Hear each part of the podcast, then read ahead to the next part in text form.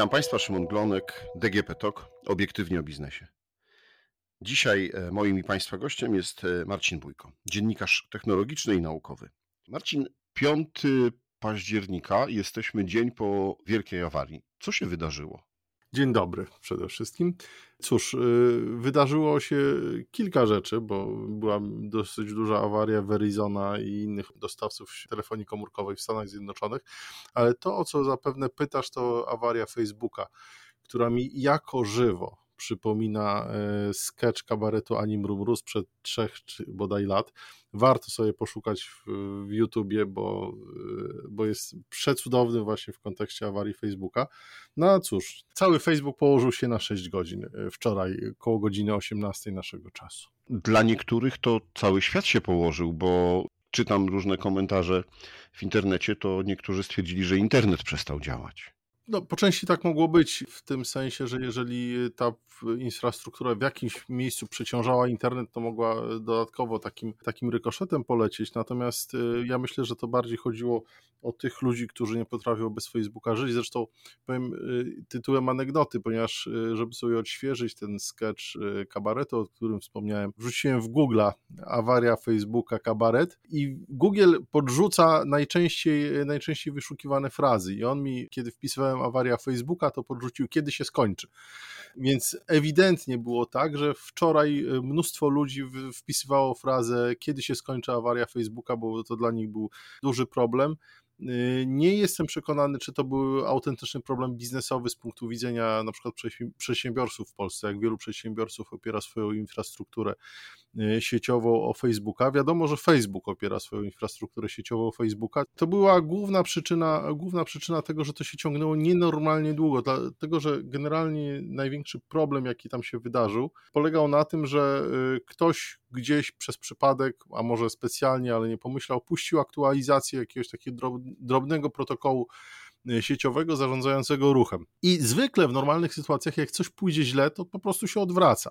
Pod jednym jednakowoż warunkiem, że masz dostęp do tego serwera. Natomiast jak klęknęła cała infrastruktura Facebooka, to nagle Facebook przestał mieć dostęp do czegokolwiek. I ponieważ Facebook postępuje bardzo nierozsądnie, jak się okazało, i to myślę, że na wizerunku Facebooka też bardzo mocno się odbije, ponieważ trzyma wszystkie jajka w jednym koszyku, całą swoją infrastrukturę opiera tylko i wyłącznie o swoje centra danych. W konsekwencji coś, co e, sama naprawa trwa, nie wiem, no, minutę może dla wykwalifikowanego technika. Konieczność dostania się do centrum, y, centrum serwerowego, gdzie trzeba było fizycznie pojechać, podejrzewam, że z pendrive'em wręcz, dostać się do tego centrum, y, co też było problemem, ponieważ, y, ponieważ klucze nie były to, że nie, nie można się było dozwonić do faceta, który ma klucze fizycznie do tego centrum serwerowego. No, ono jest całe zautomatyzowane, więc y, na kartę dostępu, a karta dostępu nie działała, bo nie działała infrastruktura, która mogła tą kartę dostępu zweryfikować. Tak, tak, tak. No dokładnie ta, ta sytuacja. Znaczy mamy, y, jestem człowiekiem starej daty, ja jeszcze, jeszcze miałem coś takiego jak drivery do napędu CD-ROM. Często się śmiałem, że to jest sytuacja, w której drivery do CD-ROMu mamy na płycie CD. Facebook dokładnie był w tej sytuacji znaczy miał e, infrastrukturę dostępowo zabezpieczoną kartami kodowymi, którą to infrastrukturę opierał o swoje centrum danych, które leżało. No i to się nie mogło dobrze skończyć. No dobrze, dzisiaj jeśli ktoś czyta o tych wszystkich awariach, to napotyka się na dwa takie skróty, które chciałbym, żebyś może naszym słuchaczom przybliżył. Wywaliło coś w DNS-ach i nawalił protokół BGP. DNS-y e, to są e, serwery, to jest domain name server, to jest serwer, który tłumaczy adres internetowy, który sobie wpisujemy, nawet www.facebook.com w przeglądarkę internetową, na adres internetowy, który y, jest związany z y, tym konkretnym serwerem, którym tam ma jakąś postać. W przypadku Facebooka w Polsce to będzie 31 13 81 36. I nasza przeglądarka wie, że musi się zwrócić do, do serwera o adresie 31 13 81 36, żeby dostać zawartość Facebooka. To jest DNS, natomiast y, BGP to jest Border Gateway Protocol i to jest protokół, który zarządza z kolei trasowaniem w takich skomplikowanych sieciach, ponieważ Facebook to nie jest jeden komputer. To jest cała skomplikowana sieć serwerów, które się porozumiewają między sobą, wysyłają dane, synchronizują te dane. No generalnie chodzi o to, żeby Facebook się otwierał szybko. Cały bardzo skomplikowany system trasowania między tymi serwerami no, działa w ten sposób, że my zawsze dostajemy odpowiedź z tego serwera, który jest fizycznie najbliżej. No, może nie tyle fizycznie najbliżej, co najbliżej ma sieciowo do nas, na przykład jest połączony z nami najszybszymi łączami aktualizacja tego protokołu BGP y, gdzieś tam na, na routerach y, zarządzających serwerownią w Facebooku sprawiła, że na pytanie przeglądarki www.facebook.com dostawaliśmy odpowiedź: Sorry, nie ma takiego serwera. Protokół BGP dawał odpowiedź, że wszystko jest przeciążone i niestety nic się nie da zrobić, chociaż te serwery się leniły. Y, no i w konsekwencji, w konsekwencji to doprowadziło do tak epickiej awarii, jak to się ładnie mówi. No dobrze.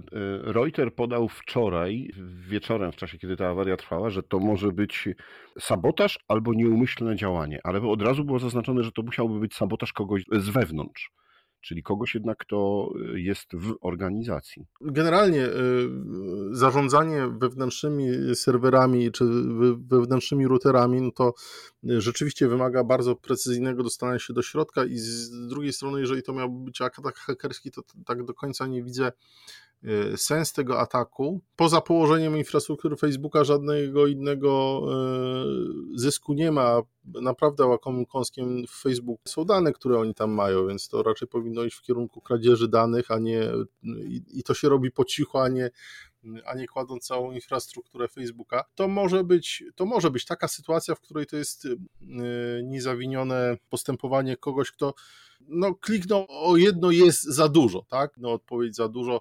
Tam mógł być jakiś automat, który puszczony sam sobie postanowił zaktualizować te wersje BGP do najnowszej wersji i coś poszło nie tak, a na później się posypało Natomiast prawdziwym sabotażem de facto to było to, jak jest skonstruowana infrastruktura Facebooka. I to za to podejrzewam prędzej czy później ktoś w Facebooku beknie, zwłaszcza w kontekście tego, e, co e, dwa dni temu się wydarzyło, ta sygnalistka, która zaczęła mu e, opowiadać, że Facebook generalnie ma taką politykę, że wszystko robi po to, żeby było bezpiecznie dla niego i wygodnie dla niego, a niekoniecznie wygodnie dla użytkowników. No i tutaj mówimy o tych algorytmach na, na Instagramie, tak, które powodują, że młodzi ludzie czy nawet dzieci no, popadają w depresję to też, to też, tylko podejrzewam, że jak, y, jak polityka firmy jest w tej kwestii tak kierowana, to po prostu firma generalnie ma taką politykę i tyle. No właśnie, pewnym absurdem jest utrzymywanie całej swojej infrastruktury u siebie. No to jest tak jak trzymanie kopii zapasowej dysku na tym dysku, którego kopię zapasową robimy. No to, to nie jest mądre. No, każda zasada kopii zapasowych y, mówi, że przynajmniej jedna geograficznie oddalona e, lokalizacja, czyli przynajmniej jeden e, dostawca infrastruktury e, niezależny od nas, żeby jak nam się coś sypie... W przypadku Facebooka jest to możliwe, no to są miliardy ludzi na świecie, którzy korzystają ta infrastruktura musi być gigantyczna, żeby te serwery szybko obsługiwały nam Facebooka. Znaczy, ja nie mówię o infrastrukturze zapasowej, no bo y, to jest oczywiste. Znaczy, po pierwsze, oni jakoś muszą też robić kopie zapasowe, tak? I, i z pewnością te kopie zapasowe robią i jakąś mają politykę. Natomiast w pewnym momencie nie pomyśleli o infrastrukturze zapasowej, o infrastrukturze na przypadek awarii. Ja myślę, że ta awaria zresztą spowoduje to, że tam y, Centrum Zarządzania Kryzysowego zacznie w panice szukać dostawców jakichś komunikatorów no bo tam na przykład sporym problemem Facebooka było to, że komunikacja w Facebooku odbywa się za pomocą Messengera. Jak Messenger się położył, podejrzewam, że był nawet fizycznie problem, dlatego że e, nie wiem, czy zwróciłeś uwagę, czy zwracacie Państwo uwagę na to, że jak sobie instalujemy Messengera na telefonie komórkowym, to Messenger usiłuje również zająć się naszymi SMS-ami, żeby e, jakby zdominować całą komunikację e, naszą i podejrzewam, że nawet głupie przestawienie się na SMS-y było w pewien sposób problematyczne, bo trzeba było tego Messengera odkleić od naszych SMS-ów. Przyznam się szczerze, nie wiem na ile to jest, na ile to jest wykonalne w sytuacji, w której nie działa infrastruktura sieciowa Messengera. No tak, ale to też y, padł y, alternatywny dla wielu osób w komunikacji WhatsApp. I tutaj pytanie, czy nie jest, nie byłoby interesem dla kogoś, kto ma kilka innych komunikatorów właśnie niezależnych, Telegram, y, Signal, to, to mi przychodzą takie dwa na szybko do głowy, pewnie jest jeszcze wiele, wiele innych, no żeby właśnie pokazać, że może ten Facebook, Messenger, WhatsApp jest nie do końca bezpieczny i warto pomyśleć o, o innych formach. Nie no, to oczywiście to biznes opportunity jest ogromna dla tych wszystkich dostarczycieli innej infrastruktury. Natomiast Ja myślę, że wiedza o tym, że WhatsApp należy do Facebooka, nie jest wiedzą powszechną. A to znowu sprowadza się do jednej zasady. No nie wkłada się wszystkich jajek do jednego koszyka. Nie możemy opierać całej swojej infrastruktury o jednego tylko dostawcę, bo to się może źle skończyć. Oczywiście ważne jest wyważenie tego no bo jak y, mi mój dostawca sieci komórkowej y, padnie i powiedzmy nie będzie leżał przez dwa dni, no to trudno, przez dwa dni się do mnie nie dodzwoni, tak? Natomiast no, są takie sytuacje, gdzie to trudno, nikt się do mnie nie dodzwoni, są niedopuszczalne. No, bo jeżeli byłbym chirurgiem, no to wolałbym, żeby jednak do czegoś takiego nie dochodziło. No dobrze, rozmawiamy w cyklu obiektywnie o biznesie. Bloomberg wycenił mniej więcej, że wartość majątku Marka Zuckerberga spadła o około 6 miliardów dolarów no powiedziałbym, że imponująca kwota. A czy myślisz, że jest, są przedsiębiorcy w stanie sobie policzyć, ile właśnie, nie wiem, stracili na tym, że ich reklamy się nie wyświetliły, y, nie mieli, y, nie wiem, influencerzy live'ów zaplanowanych, podczas których sprzedają jakieś produkty, usługi, y, no i tak dalej, i tak dalej, no bo w Polsce też pewnie ileś firm korzysta z tego Facebook Workspace znaczy to jest tak, y, jeśli chodzi o y, live, y, live reklamy i tak dalej, to jestem tak święcie przekonany, że Facebook ma tak precyzyjnie napisany regulamin, który ich broni przed problemami z tego powodu. Natomiast oczywiście nie dość, że to można policzyć mniej lub bardziej obiektywnie, to jestem święcie przekonany, że w Stanach Zjednoczonych jeszcze się znajdzie sporo korporacji prawniczych, które będą y, za odpowiednią opłatą wystosowywały pozwy w kierunku Facebooka po to, żeby zrekompensował straty, bo Facebook jest bogaty. Także to nie ulega najmniejszej wątpliwości, że to można policzyć. Y, no to są oczywiście zawsze pytanie, no jak, jak dokładnie szacować te straty, ale jeśli chodzi o szacowanie strat spowodowanych przerwą w czymkolwiek, no to chyba pandemia nas nauczyła tego szacowania strat i takiego radzenia sobie w konkretnym disaster recovery i, i zarządzaniu kryzysowym. Jednak mimo wszystko mm, z punktu widzenia e, prowadzenia biznesu, 6 godzin niefunkcjonowania komunikatora to jest jakiś problem, ale z drugiej strony, no to nie jest jednak tyle czasu, co nam zabrała pandemia. Więc to można wyceniać, ale nie sądzę, żeby to było jakoś tak, chociażby tak kosztowne, jak zatkanie kanału tydzień. No tak, pamiętne utknięcie statku. To, to mam takie pytanie o przyszłość. Jak się zabezpieczyć? Co Twoim zdaniem przedsiębiorcy tutaj w Polsce mogą zrobić? No istnieje, jest na świecie pokolenie, które nie pamięta czasów, kiedy Facebooka nie było. Znaczy, nie dość, że jest, to y, no ja sam tego doświadczałem, bo wczoraj wieczorem dzieciaki miały mi przysłać jakiś dokument ze szkoły, no i nagle się okazało, że one nie bardzo, jeśli chodzi o maila. Więc rzeczywiście ja mam do czynienia z takim pokoleniem, które korzysta z Messengera i nie widzi nic innego. Natomiast to, co y, natychmiast powinni robić przedsiębiorcy w takiej sytuacji, bo jak widać, infrastruktura Facebooka nie jest wieczna i to rzeczywiście może, mm, po pierwsze, może się sypnąć. Po drugie, no do dziś nie wiemy, czy to był atak hakerski tak naprawdę, czy, czy to był wewnętrzny sabotaż, czy, czy niedopatrzenie. Nie chcę mówić głupota, tak? raczej niedopatrzenie, bo komuś się ręka omsknęła ale nie możemy, nie możemy zakładać, że ludzie, którzy mają złą wolę, nie powtórzą czegoś takiego, nie będą próbowali powtórzyć czegoś takiego. Cyberterroryzm jest coraz bardziej powszechny.